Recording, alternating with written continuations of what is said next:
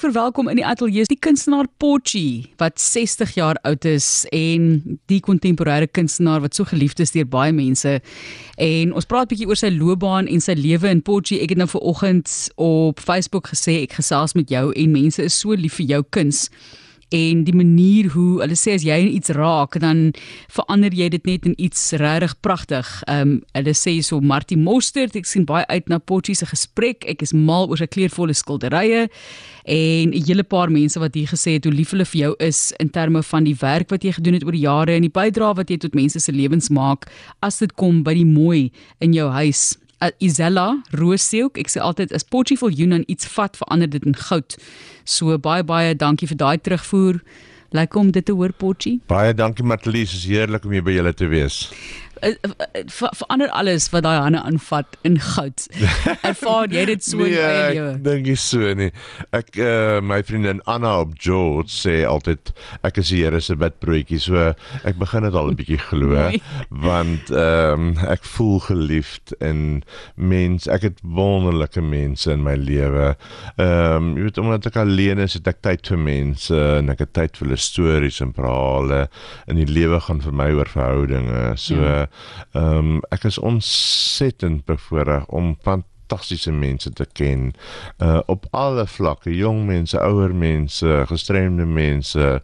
Ehm um, sommer die hele spektrum van die samelewing uh met ek kontak mee en my kuns het my in aanraking gebring met die wonderlikste mense en ek is bevoorreg dat die mense wat van my kuns hou is meestal heel binnekant en hulle is mense wat dit mooi maak rondom hulle en hulle maak dit mooi vir ander mense rondom hulle en hulle gee geskenke en hulle deel liefde uit. So ek werk met 'n verskriklike mooi sirkel in die samelewing baie geluk met jou 60ste verjaarsdag. Ja, baie as, dankie. As jy nou kyk na waar jy nou tans is in jou lewe in die ouderdom van 60, daar's ja. so klein bietjie van 'n verwagting van waar jy gaan wees. Ag 60 is oud, daai tipe ja, van ding wanneer jy ja, jonger is. Ja.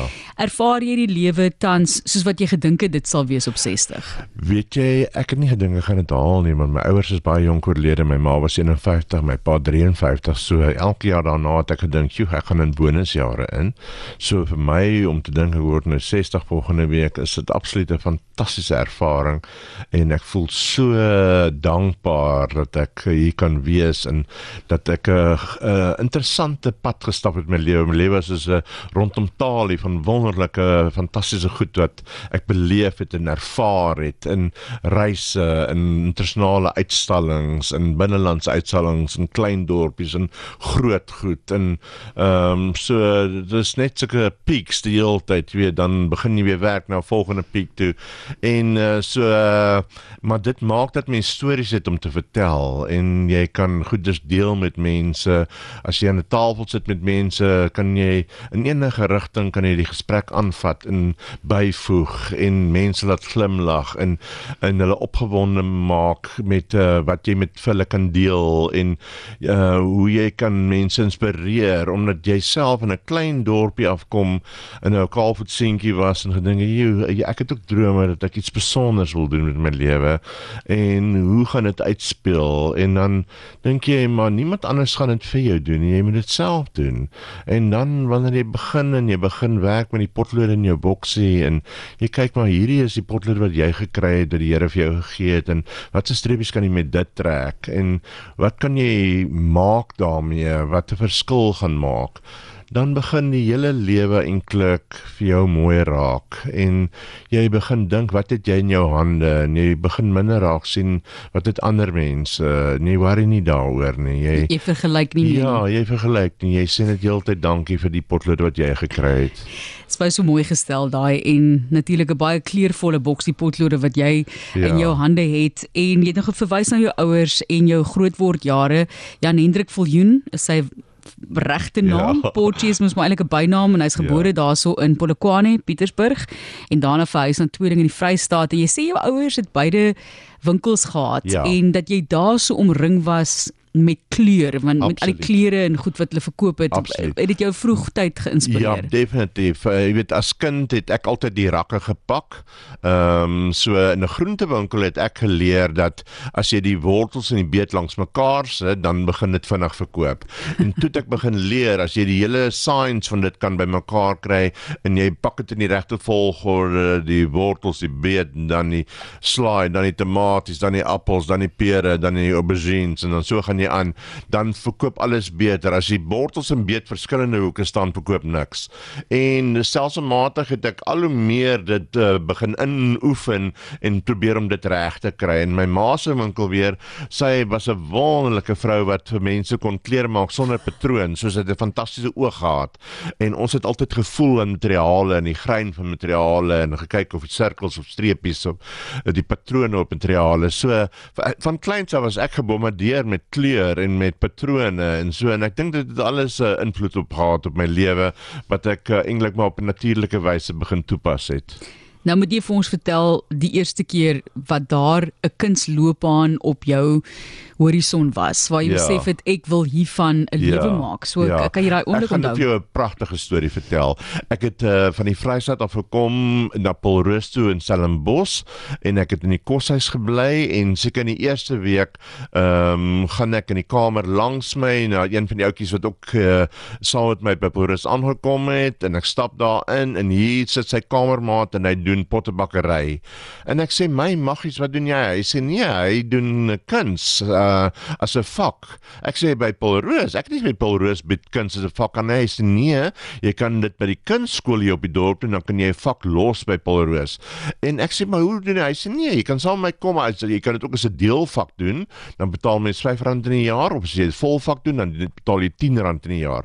Jong en ek vra onmiddellik my ma die R5 en sy stuur dit in 'n brief en daar gaan ek kunstskool toe en die onderwyser gee vir my daar 'n stuk klei en ek maak die mooiste potjie in 'n vorm van 'n groen pepper uh russie en uh die volgende keer sê ek en daai selfe aansê vir my ma ek is absoluut mal daaroor stuur asseblief nog R5. Hier kom nog 'n R5 in 'n brief en ek neem dit kunskool toe en ek sê asseblief ek wil dit as 'n volvak neem. Hulle sê normaalweg moet jy eers 'n aanlegtoets doen om kering te kry. Ja. Maar op grond van die potjie wat ek die eerste dag gemaak het, sal hulle my onmiddellik neem en dis waar my hele kunstloopbaan eintlik begin het en ek het 'n fantastiese onderwyser gehad Bertus Lyn en hy leef nog. Hy's 75 jaar oud en hy gaan ook my uitstalling ehm um, die naweek open in Stellenbosch en ehm um, dit is my baie spesiaal dat hy nog in in my lewe is en nog so dan dan by my kan kom kuier en hy het my vreeslik aangemoedig en van die begin af het ek ontsettend goeie kindspunte gekry wat vir die eerste keer in my lewe het ek goed gedoen in iets. Dit was wonderlik. En ehm um, so toe ek later het ek uh, in 'n BCom gedoen en ek het begin werk as 'n vervoerekonoom wat baie vervelig was. En toe het ek twee vriendinne en hulle sê toe maar daar kom 'n nuwe kunstroete in Randburg wat die Randburg uh, koerantjie soort van promoveer en hoekom gaan luister ons nie na 'n uh, praatjie daaroor nie. Ons gaan na kunstenaar Tuis Nel hy's wonderlike pottebakker pragtig huis gehad en ons gaan na sy huis toe en iemand in ons gemeente bied aan 'n uh, lieflike vrou en sy sê ek kan ek en die twee vriendinne kan in 'n motorreis uitstal en sy sal in 'n huis uit en dan as ons iets verkoop kan ons wat 10% gee.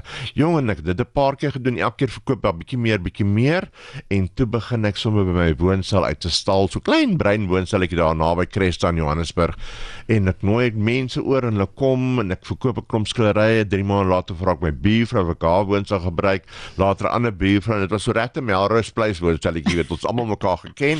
En toe einde 94 doen ek 'n groot uitstalling met 100 werke en ek verkoop alles in een aand. En ek dink toe Jesus sit ek met 60000 rand in my sak, ek moet die geld vat en 'n lewe gemaak daarmee. En jy het inderdaad 'n lewe gemaak 'n SMS wat ook hierso sê dis Susan van George. Sjoe ek het Potjie in 1995 ontmoet in Egipte op pad na Turkye. Ja. wat 'n mens. Groete vir hom. Vertel vir ons van die uitstalling op Stellenbosch by die stadsaal Potjie van Tweeling tot Trafalgar Square. Wat kan mense daar verwag? Ek het gedink ek wil iets heel spesiaals doen vir my 60ste verjaarsdag, maar ek wil ook iets doen vir die gemeenskap. En op Stellenbosch het jy twee van fantastiese organisasies. Hy's Horison wat omsien na verstandige gestremde mense en is 'n wonderlike instelling wat vir baie jare al 'n baie breë gemeenskap bedien. En dan is daar ook 'n uh, geluksoord wat omsien na verswakte bejaardes. En daar's baie van hierdie ouer mense wat so oud raak en hulle uit geld uit hardloop en hulle het 'n bietjie hulp nodig.